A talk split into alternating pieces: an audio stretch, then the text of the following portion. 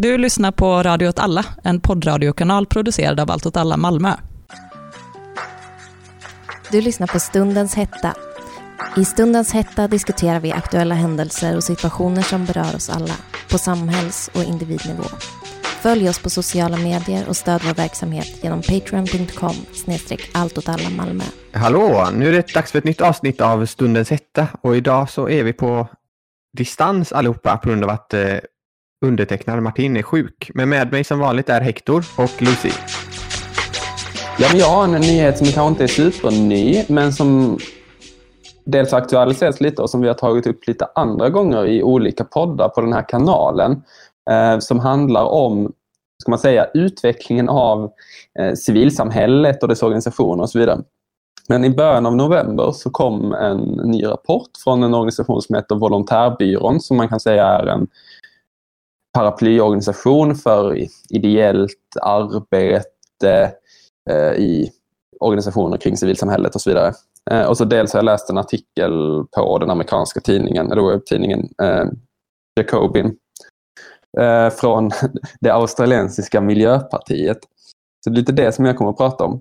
Men om man börjar med den här rapporten från Volontärbyrån så släppte de en rapport där de undersöker, och då, det har de gjort ett antal eh, tvärsnitt på tidigare, men undersöker hur ideellt engagerade människor är i Sverige. Undersökningen som de har gjort nu, 2020, visar att svenskarna lägger allt mer tid på ideellt engagemang eh, och att det alltså har ökat sedan den senaste mätningen som jag tror gjordes eh, 2009. Öknat, eh, eller nej, förlåt, den har ökat sedan 2015 men sedan 2009 så har den ökat mer än 10 procentenheter. Och de mäter det här på lite olika sätt och vi behöver inte gå in allt för djupt på det i och med att det ska vara lite kortare men ehm, de mäter det liksom i olika delar av civilsamhället och de olika delar av, av, ideellt engagemang. Och där kan man säga att den stora ökningen sker inom det som de kallar liksom för socialt engagemang som jag tolkar in som typ läxhjälp eller liksom den typen av, av socialt engagemang. Men även eh, frågan om till exempel idrottsföreningar är med, kultur och sociala rörelser. Eh, vilket är kanske det som är mest intressant för oss. För att tidigare så har man ibland pratat om att i Sverige att man ser en nedgång i kollektivt engagemang. Och det har vi pratat om i bland annat podden om Generation Left, eh, som är en bok eh, av Keir Milburn som pratar om liksom vilken typ av generation som kommer nu och hur de engagerar sig politiskt. Så på ett sätt så tyckte jag det var väldigt eh, spännande att, eh, att läsa den här för att ändå se att det finns ett väldigt starkt engagemang i civilsamhället utifrån den här studien, ska man ju säga. Eh, men det ställde också frågan av typ så eh, för att vad man har kanske sett de senaste fem åren är ju också en minskning i till exempel antalet grupper inom den radikala vänstern och man kanske också har sett ett, ett tapp i engagemang eh, som, som liksom inte går i linje med de här resultaten. Så att där kan man ju börja fråga sig då vad som har hänt med den, den radikala vänstern. Om det är så att ideellt engagemang eller politiskt engagemang ökar i samhället eller intresse för det ökar.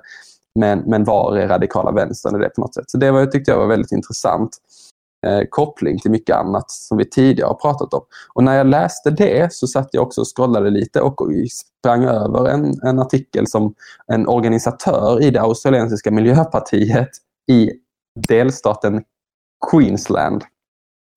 En riktigt eh, random koppling till, eh, till den här podden. Men som jag kom över, där de pratar om eh, erfarenheterna av att organisera människor kring egentligen i, i ett delstatsval där de Eh, dubblade väljarbasen för det här Miljöpartiet på en, i en och Queensland som annars är en ganska konservativ eh, delstat, eller jag vet inte om man kallar det för delstat, men, eller region då, i Australien. Och det de gör som den tydliga distinktiva kopplingen som har skett, som inte skedde valet innan dess, var en väldigt stor, stort engagemang i det mer så fysiska mötet mellan människor, alltså klassiskt uppsökande politiskt arbete i form av till exempel dörrknackning och liksom så att prata med människor. En, en legitim fråga att ställa sig är ju varför jag tycker att det är intressant att kolla på vad en, ett, ett distrikt i det australiensiska miljöpartiet hur de jobbade inför ett val. Men det som jag tyckte var intressant var ju ändå deras direkta koppling till det här med det uppsökande fysiska mötet som bas för på något sätt att, att sprida politik eller att prata om politik med människor. Eh, vi har ofta pratat, eh, när vi har talat om den här liksom alltså den nya generationens eh, vänster eller den nya generationens politiska aktivister som att man kanske håller på ganska mycket på nätet och så. Eh, men här så ser man ju snarare en ung generation som man också har sett i Storbritannien kopplat till, till Corbyn och det valet, kanske även sett i förhållande till eh, vänsterriktningar i amerikansk politik runt, runt Sanders, till exempel den kampanjen. Eh, och att det här var liksom då ett steg till som på något sätt visade på ett, ett starkt, någon form av mer så ihållande eh, civilsamhälle eh, som skapar eh, eh, politisk rörelse. Så det var nog mest eh, det som jag tänkte på som, liksom både, som på något sätt jackar in i den här eh, rapporten från Volontärbyrån. Som mer kanske ställer en fråga till oss som den radikala vänstern i. Hur ska man liksom för, förhålla sig till att det finns ett ökat engagemang eh, med kanske en svårighet att hitta sin väg in och att det här då liksom, ska man säga, möt, människans möte med varandra också som, som politisk strategi. Som jag funderade lite kring. Så, så egentligen är det ett bättre utgångsläge än att tänka att allt eh, försvinner i civilsamhället, att engagemanget går ner. Så det är väl bättre att tänka att det ändå finns ett engagemang. Det gäller bara att fånga det. Precis, och att eh, man ser uppenbarligen jättestora rörelser eh, att lägga. Och sen så är det såklart så all den, alla de svaren i den här eh, undersökningen kopplat till ideellt arbete kanske inte jag tänker är liksom så, hur ska man säga, politisk aktivism eller ens så fruktbart. Eller jag vet inte. Men jag tycker ändå att det är intressant att man ska inte prata prata om, utifrån här, de här resultaten i alla fall, kan man inte prata om då det liksom så här, den här allt mer egocentriska, eh, icke-kollektivistiska eh, synen på, på samhället utan en större, eh, ett större deltagande. Vilket jag tänker är så en, positivt och, och kul att se på något sätt. Det är jätteroligt. Det är kul att höra det här. Att, att det finns en sån liksom, positiv trend. Men jag har också funderat mycket på om inte det ligger i liksom individualismens kärna på något sätt. I vilken anledning man ingår i det här sociala engagemanget. För min uppfattning, det finns väldigt mycket betoning på att man ska vara engagerad ideellt för framtida yrken och möjligheter. Att det också har blivit mer betoning på att du ska ha haft ett ideellt engagemang under ett par år. Just det, någon sån mer typ så amerikansk CV-byggande ja, idé. Eller så. Det, man ska säga, det, tror jag, det tror jag svarar för en del av det här också. Eh, verkligen. För man har, de har även en del som handlar om ideellt arbete inom sektorer där det också arbetas. Som jag tolkas lite som, jag tolkar det typ lite som praktik eller obetald praktik. Eller, alltså, eller internship och så. Och det, det svarar för en viss del av det. Men när man, man kontrollerar i studien för just motiv Eh, till, till engagemang. Och det verk, då, då, vad de, man svarar, det finns ju såklart ett, ett bias i vad man svarar där. Men det, det som man högst värderar är typ eh, eh, då har man kollat på de som, som arbetat mycket ideellt. Alltså så här, hur ska man säga? Över genomsnittet i hur mycket tid man har lagt. Och då är det, det man värderar högst är liksom till exempel så göra någonting konkret för andra, kunna eh, vara med i en samhällsutveckling eh, och typ någon form av så moralisk eh, motivation kring det. Så det verkar åtminstone inte vara så fullt ut att det handlar om någon sån eh, egen vinning och så. Sen så tror jag att det förklaras då för delar av det också och att man här har ju undersökt all typ av ideellt arbete, vilket är en enorm bredd. Så att det kan inte kvala in på, på något sätt eh, just radikala sociala politiska rörelser enbart. Men jag tycker att det visar på något sätt en... Det väckte någon form av hopp i mig eh, av att se. Du är ganska glad nyhet. Det passar inte riktigt in i vårt annars eh, mörka, dystra... Nej.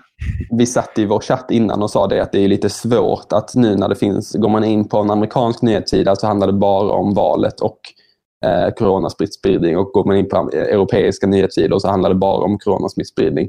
Så att eh, vi, vi, gör, vi, vi kämpar hårt för att fylla det här med, med någon, typ, någon typ av nyheter som inte är eh, toppnyheter på Sveriges Radio. Förra veckan så, så kom ju det här nya lagförslaget om att man inte skulle tillåta folksamlingar på offentlig plats över åtta personer. Det kan ju ingen ha missat. Och det är ett sätt att eh, stävja det ökar antalet sjuka och döda som vi har igen i covid-19 nu under hösten och vintern här i Sverige. Regionerna menar ju på att Folkhälsomyndigheten, och det har de ju sagt offentligt också i somras, sa att nej, det kommer inte komma en andra våg utan det kommer vara lokala, små, mindre utbrott här och där som vi kommer kunna stävja tillsammans med de resurser som finns. Så regionerna har inte heller förberett sig på en andra våg i Sverige. Och nu är det mer eller mindre allmän smittspridning. Senast jag kollade så var det väl 8 av 10 regioner som hade sådana här särskilda restriktioner. Så återigen så har regeringen då, för det är ju de i slutändan som tar de här besluten. Folkhälsomyndigheten är bara myndighet och regeringen har ju bara skyddat sig bakom eh, det här expertstyret liksom för att slippa ta ansvar för de beslut som tas. Har de återigen misslyckats. Så det har liksom varit missbedömning efter missbedömning. Och en annan sak är ju att de här berörda välfärdsinstanserna som ska ta hand om krisen har inte kunnat hantera konsekvenserna av krisen. Eh, men istället för att fastna i en diskussion om vilken strategi som varit bäst mellan total nedstängning och Sveriges strategi så kan man konstatera att de stater som går bättre nu och har gått bättre är ju de stater som har haft en omfattande provtagning vid ett tidigt, tidigt stadie, alltså haft resurser att kunna provta väldigt många människor på väldigt kort tid. Och till exempel i Norge där man haft större läkartäthet på äldreboenden som har fått ner smittspridningen. Och även i Finland de har haft bra beredskap så de hamnar inte alls i det här problemet som vi hade i början om att försöka få tag på material till vården. Men att covid-19 är, har varit den här, eller är den här katastrofen i Sverige beror ju på att den svenska välfärden har under årtionden nedmonterats och slimmats enligt idéer som man brukar härleda till New Public Management som i korthet går ut på att man försöker göra om välfärdsinstanser till att följa så här lean production kallar man det, alltså någon rullande band eh, eh, princip där liksom antalet byråkrater och folk som mäter hela tiden ökar men de som utgör arbetet blir allt mindre. Så både antalet anställda och resurser har ju blivit mindre sett till antalet till, sett per capita i Sverige. Och studier, det har också börjat komma en del intressanta studier som vi har kommit så pass långt in i pandemin så att man har gjort en studie i Stockholm som visar att Stockholm har varit mycket mer eh, utsatt under covid-19 och det kan bero på Eh, att ökade, eller att man har många fler timanställda, sämre utrustning och färre resurser. Och en anledning till att man har det här är att det finns så himla många privata aktörer där huvudsyftet är att tjäna pengar snarare än att göra bra vård i Stockholm.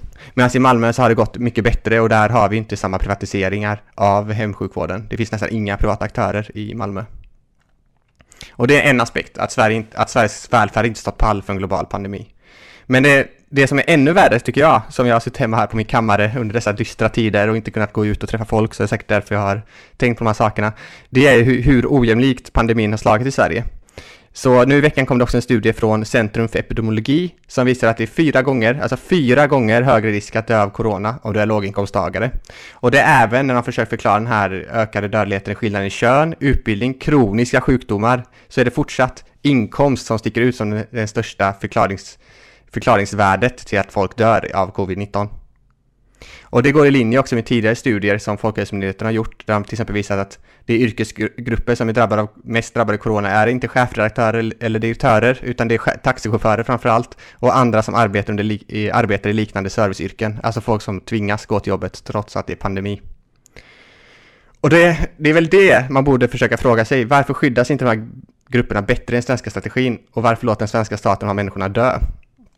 För istället för att bygga nya bostäder för att bygga, minska trångboddheten eller låta folk tillfälligt ta in på hotell, de som har lägre inkomster. Att man säkrar upp inkomster för de som eh, eh måste gå till jobbet trots en pandemi, borde inte behöva göra det, så istället borde de få någon inkomst från staten. Så har man istället riktat in alla resurser på att stödja företag. Det har inte gått några egentliga eh, reformer som varit direkt riktade till medborgarna, utan alla har gått omvägar via företag. Och Hyresgästföreningen kunde visa i somras också att antalet vräkningar under pandemin har ökat under det här, eh, under eh, det här året jämfört med året innan. Så inte ens hyressänkningar går igenom liksom. Andemeningen från regeringen och sådär är ju att vi ska fortsätta äta våra biffar, dricka våra naturviner, helst beställa hem hämtmat. Och det som har lägst inkomst och tillhör lägre klasserna i samhället ska städa upp och leverera hemmat, köra kändisar till sina hemmamiddagar, men givetvis hålla avstånd. Och vi är de som måste gå till jobbet. Och det är här som den svenska strategin på något sätt blottar en stor skillnad mot andra länder. För andra länder som Italien och Frankrike så har man snarare stängt ner hela landet och då medfört att alla har drabbats av den här pandemin. Medan i Sverige har man hela tiden tryckt på det individuella ansvaret.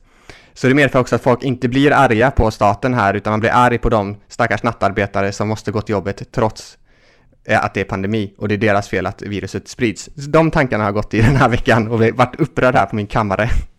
Men det, det känns som att det har blivit så himla tydligt senaste tiden också när man kollar diskussionen kring pandemin och effekterna av pandemin så det är alltid så här, åh min stackars vinbar, det kommer få gå i konkurs. Ja, verkligen. Om, om man tittar på hur mycket uppmärksamhet det har fått att man ska stänga krogarna klockan 22 jämfört med en del av de frågorna du lyfter.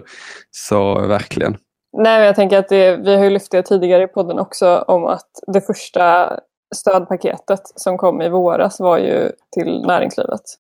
Och att det är det vi ser igen nu under hösten. Att den första liksom, insatsen riktas mot vinbarerna. Då, sagt. Precis, men också att all, alla artiklar och sådär i nyheter är ju bara om hur hemskt det är att jobba hemma. Ja, och typ så, så här, allt det här har ni nu tid att göra. Så man också så, va, eller så, hur, vadå, vadå sitta med en språkapp? När, när, när händer det? Och jag tänker det är jättespännande också, som de också lyfte i den här, i det, om det var, vad var det, Institutet för epidemi, epidemiologisk forskning, Centrum. De tog också upp det i intervjuer och så, kopplat till att just när man tittar på egentligen nästan alla sjukdomar, såväl somatiska som psykiatriska, så är ju den, den liksom, hur ska man säga, utstickande prediktorn är ju alltid låg inkomst.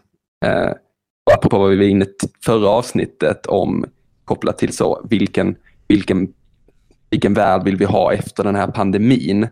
Eh, så tycker jag att liksom just i en, i en pandemi så blottas ju på något sätt fenomenet hälsa och folks mer hälsoförutsättningar. Det kan man ju verkligen hoppas blir en fråga när det här mm. blottas mm. så tydligt. Ja, och det, men det känns verkligen som, vi har pratat om det innan, men det känns verkligen som att det är dags liksom för människor som vill ha en annan typ av samhälle att steppa upp och också börja kritisera hur den här pandemin har hanterats och vilka effekter den faktiskt har. Verkligen, och jag tänker att det här är ju ett, ett till sånt läge som jag åtminstone tyckte kom i början av pandemin. Att det är ett gyllene tillfälle för en skarp vänsterkritik mot nedskärningen eller nedmonteringen av välfärdsstaten och privatiseringarnas efterföljder. Och att nu när det kommer väldigt mycket intressanta studier, precis som den du precis har presenterat, så är det ju svårt att förneka svart på vitt vad vårt, eller systemet vi har byggt upp i, vad det bidrar med för konsekvenser och vilka som är extra sårbara. Verkligen men så som jag, jag pratade om, nu återgår jag, nu hänvisar jag bara till förra avsnittet, men alltså så här, det är inte heller som att man har så, ja när vi lyckades hålla de här företagen lite över ytan så att de klarade sig. Så att, de, så att, för att det är väl det de har från någon, någon, form av så liberal idé om att om man håller företagen vid liv så, så stannar folk i arbeten och då så håller man på något sätt samhällsekonomin igång. Men det är också, så, alltså kan, man kan ju upprepa det att de miljardärerna har blivit 5000 miljarder rikare. så det, är, det är ju inte heller att man har liksom lyckats hålla dem på plus minus noll, utan man har toppat dem. Eh, utav bara helvete. Och att det är en ganska djärv kalkylering. Alltså, mm. inte att man kalkylerar, men att så här, man, man väljer, det är inte en kalkylering, men en prioritering i alla fall, i vad man hur man vill organisera saker och ting. Men det som också är så sjukt när, när det är en pandemi i det samhället vi har så är det ändå också en konsekvens i att några då har blivit riktigt, riktigt, riktigt, riktigt jävla rika medan mm. annan del faktiskt dör. Precis, jag tänker att här, även när vi snackar om liksom, människor med låg inkomstnivå så glömmer vi också en, en grupp som inte ens snackas om, som inte ens finns för politiker och det är ju hemlösa människor utan uppehållstillstånd, asylsökande. Att den liksom, det är fortfarande en, en helt tom diskurs kring de liven som inte ens eh, försöker räddas. Nej, det var ju också som i, innan sommaren när man, när man upptäckte att det var väldigt mycket svensk-somalier som eh, drabbades av covid-19 oproportionerligt sett till befolkningen. Och då första så analysen var att äh, det är nog för att de inte har fått tillräckligt mycket information tills någon mm. sa det. Fast alltså, det här är en global pandemi så det är en ganska stor snackis i det somaliska communityt. Ja, alltså det är ju så dumt man inte ens förstår det. Och den, det har ju visats också nu med fler studier att det är inte bara svensk-somalierna eller det communityt som har, har drabbats oproportionerligt hårt utan även de flesta utomeuropeiska grupperna. Det beror ju inte på bristande liksom, läskunskaper eller analysförmåga. Det är ju helt absurt att säga så. Nej, utan det är snarare trångboddhet och att de har de typen av arbetena som man inte kan sitta hemma, läsa DN och lära sig ett nytt språk på. Jag tänker eh, fortsätta spinna vidare lite på en, en låg, en väldigt utsatt liksom, inkomst grupp eller arbetsgrupp i samhället och knyta an lite vidare på det här med gigföretag. Och det jag kommer att prata om idag är ett företag som heter Move by Bike. Som eh, inte började som ett gigföretag utan det började som ett liksom, ekoföretag som fick väldigt mycket uppmärksamhet. Jag har inte riktigt kunnat hitta exakt när de startade. Men det kanske rör sig om tio år sedan. Lite krasst så. Um, ehm, och de började med att köra ut mat åt ekorestauranger. Och sen så började de frakta mat åt kommunala skolor och förskolor i Stockholm och fick liksom väldigt mycket uppmärksamhet för det här att alternativet att cykla runt med mat istället för att använda transport som var dåligt för miljön. Och de fick väldigt stort engagemang framförallt av Miljöpartiet. Och en av bolagets delägare är Staffan Sölve som är kommunpolitiker för Miljöpartiet i Malmö. Men sen 2019 så var det någon person som gick in med jättemycket pengar i det här företaget Eh, för att expandera det. Och då fick de även en ny ledning som har totalt ändrat fokus. Jag ska inte prata så mycket om det som var innan det, utan det är här jag kommer ha min utgångspunkt. Men idag då så ägnas större delen av arbetstiden för de som jobbar för det här företaget åt att samla in batterier från Voice och Tears elsparkcyklar. Och det är ju liksom, det är hundratals av elsparkcyklarnas batterier som nu laddas då i stora lokaler. Och de här lokalerna finns oftast i källare Eh, i Stockholm och Göteborg. De här lokalerna finns oftast i källare i stora lokaler eh, i Stockholm och Göteborg och i Stockholm så ligger de på Södermalm. De ligger oftast under hyreshus. Och när de laddar de här batterierna så gör de det liksom, ja, men hundratals tillsammans. Batterierna är väldigt tunga. Så antalet arbetsskador för de som jobbar i det här företaget är ju väldigt stora. I en artikel från ETC som jag har läst om det här så förekommer det liksom vittnesmål om att folk har tvungna att sjukskriva sig för att de har fått kronisk värk i armar och i leder. För att de här cyklarna, om man googlar på hur de ser ut, så är de enorma. Och de väger 300 kilo i sig. De har visserligen en liten elmotor, men jag tvivlar på att det gör jättestor skillnad. Eh, varje batteri väger cirka 4 kilo var och de förväntas samla in kanske 40 batterier i en cykel. Vilket gör att den totala vikten som de cyklar runt med är ungefär, liksom, tillsammans med deras kroppsvikt, då, 500 kilo. Så att företaget har ju mer och mer utvecklats till en gigekonomi. Och det tog väldigt lång tid innan arbetarna ens hade rätt till lunchrast. Och det var efter långa påtryckningar från facket. Så innan dess så cyklade förarna åtta timmar eller mer utan rast. Och förutom det så är det ju precis som många andra gigekonomier och företag som vi har pratat om innan, som Foodora eller Deliveroo, skitdåliga arbetsvillkor. Det är korta kontrakt. De har kommit fram till att om de inte distribuerar ut jobbtelefoner så måste ju folk använda sina egna är, liksom ett extra lager på det här är att lönerna är så pass låga att de inte lever upp till Migrationsverkets krav för att få arbetstillstånd. Så det är många utomeuropeiska arbetare som trots att de har haft det här heltidsjobbet ändå har eller får något eh, uppehållstillstånd och riskerar att bli utvisade. Och det är också några sådana röster som vittnar i den här ETC-artikeln. Men varför det här är aktuellt just nu är för att det har förekommit, under det senaste året, så har det förekommit tre bränder i de här källarlokalerna under de här hyreshusen på Södermalm och i lokaler i Göteborg också, av batterier då.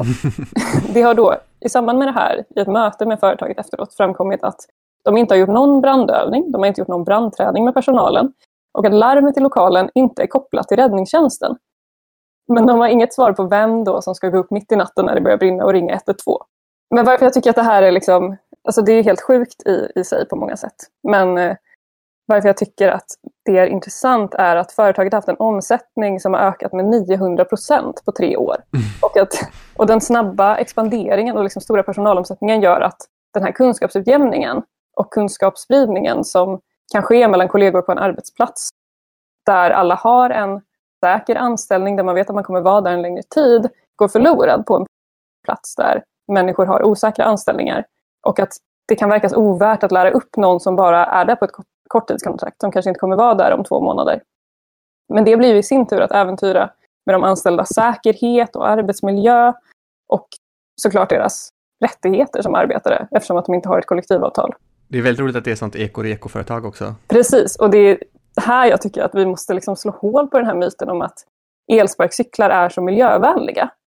För att jag har liksom kollat upp hur, hur mycket man minskar koldioxidutsläppen om man använder elsparkcyklar. Och det är ju egentligen bara om de ersätter en bilresa som de kan anses vara mer miljövänliga. Men det är 30 gånger större utsläpp från en resa på en sparkcykel än på tunnelbanan till exempel. Och inräknat i det också transporten för att samla in batterier. Ja, jag vet inte, jag har ju liksom funderat på om det har skett en ökning av, av elsparkcyklar under corona och jag tänker att det här blir liksom som det här paraplyet över alla de här med gigföretagen. Att om jag använder en sparkcykel så kommer också Move by Bike hämta in batteriet från den sen som kommer leda till det här. Allting hänger ihop i ett stort nät av skit. Jag tror vi sa det förra veckan också, men det känns verkligen som att den här pandemin har skyndat på väldigt många sådana processer. Just att det kommer liksom en, det känns som att det kommer en rapport i veckan med olika oseriösa eller vanliga företagare kanske det, som eh, liksom utnyttjar, exploaterar sin arbetskraft till max. Som det var Apoteas lagar, de låste in de anställda för att tvinga dem att jobba över och nu det här liksom, det finns. Det känns verkligen som att det är en sån eh, acceleration av den typen av anställningsformer och den typen av företag. Ja, och det kan ha att göra med dels pandemin men typ också de senaste åren. Det känns också som en process som när den väl är i rullning så blir det så som du säger Lucy, att då blir det liksom det ena så gig-liknande eller oseriösa eller vad man vill kalla det företaget. Eh, sen, och då använder man en, en annan tjänst för en annan liknande tjänst för att samla in batteri. Alltså så att det blir en loop mm. också som sätter igång en himla process eh, av oss och som man också har sett tidigare med till exempel bemanningsföretag och, och den typen av av organisering av arbetet, men verkligen att just den här uppluckringen blir så tydlig eh, och snabbar på. Ja, men precis. Och jag tänker att det finns likheter mellan det här väldigt speciella sättet att arbeta på genom att cykla överallt och att transportera och leverera saker och hämta saker också med vad jag tänker mig hur det är att jobba på Amazons lager. Verkligen. Att det kanske är ganska lätt att få jobb där men det finns ingen tid att liksom lära dig rutinerna. Det ställs jättehöga krav på hur mycket du ska hinna. Du får ingen rast, du får knappt gå på toa. Du är ständigt övervakad. Och sen slutar du och har gått in i väggen. Men det kanske är en sån ackumulering av den typen av företag, den typen av företagsstruktur också. Som Hector var inne på, att, att, det, att det har skett någonting, att det har kommit en sån stor kritisk massa av sådana företag så det blir bara en liksom, fortsatt spiral med sådana företagslösningar. Jag tänker att det delvis är det också, typ om man tittar på investeringar och så kopplat till den branschen och så, hur mycket den har ökat bara de senaste, ja men låt säga två åren. Liksom. Ja men precis, och jag tänker att det också är, är ju verkligen en medvetenhet att utnyttja människors utsatta situation. Att här kan du få jobba men då kommer du då kommer vi också ställa jättehöga krav på dig. Du ska bära de här eh, kilovis batterierna, jobba på timmar utifrån en app som övervakar dig, du får inte ta raster. Precis, du ska använda din egen telefon. Också. Men ve dig om du inte stannar hemma om du är sjuk. Vi har alltså kommit fram till då att vi ska efter pandemin rätta till arbetsmarknaden och rätta till sjukvården. Så att människor slipper jobba när de ska vara hemma. Det är väl de slutsatserna vi kan dra av dagens podd. Och att det görs genom att knacka dörr i västra Australien. Exakt, det, det, är inte, engagemanget finns, det gäller bara att fånga det. Verkligen. Och för den uppmärksamma lyssnaren så kanske det här, den här podden har upplevts som lite mer, eh, vad ska man säga, taggig än tidigare poddar och det är för att vi har spelat in eh, online ifrån varandra och inte i samma rum på grund av sjukdom. Ja. Så vi beklagar detta men hoppas vi kan ses igen och spela in på plats nästa ja. vecka. Tack så mycket för att du lyssnade. Tack så mycket. Trevlig helg. Följ oss på sociala medier och stöd vår verksamhet genom patreon.com snedstreck allt åt alla Malmö. En liten rättelse från förra avsnittet. Um, för att jag i all hast sa att um, mm. den nya abortlagstiftningen i Polen skulle göra så att det var tillåtet att eh, göra abort för foster med eh, eh, ja, men, svåra födelseeffekter. Eh, men det jag menade att säga var att det kommer bli förbjudet och eftersom att de flesta aborterna i Polen eh, är av den här anledningen så skulle det ju vara som att förbjuda abort helt. Men nog om det, det tror jag att de flesta förstod.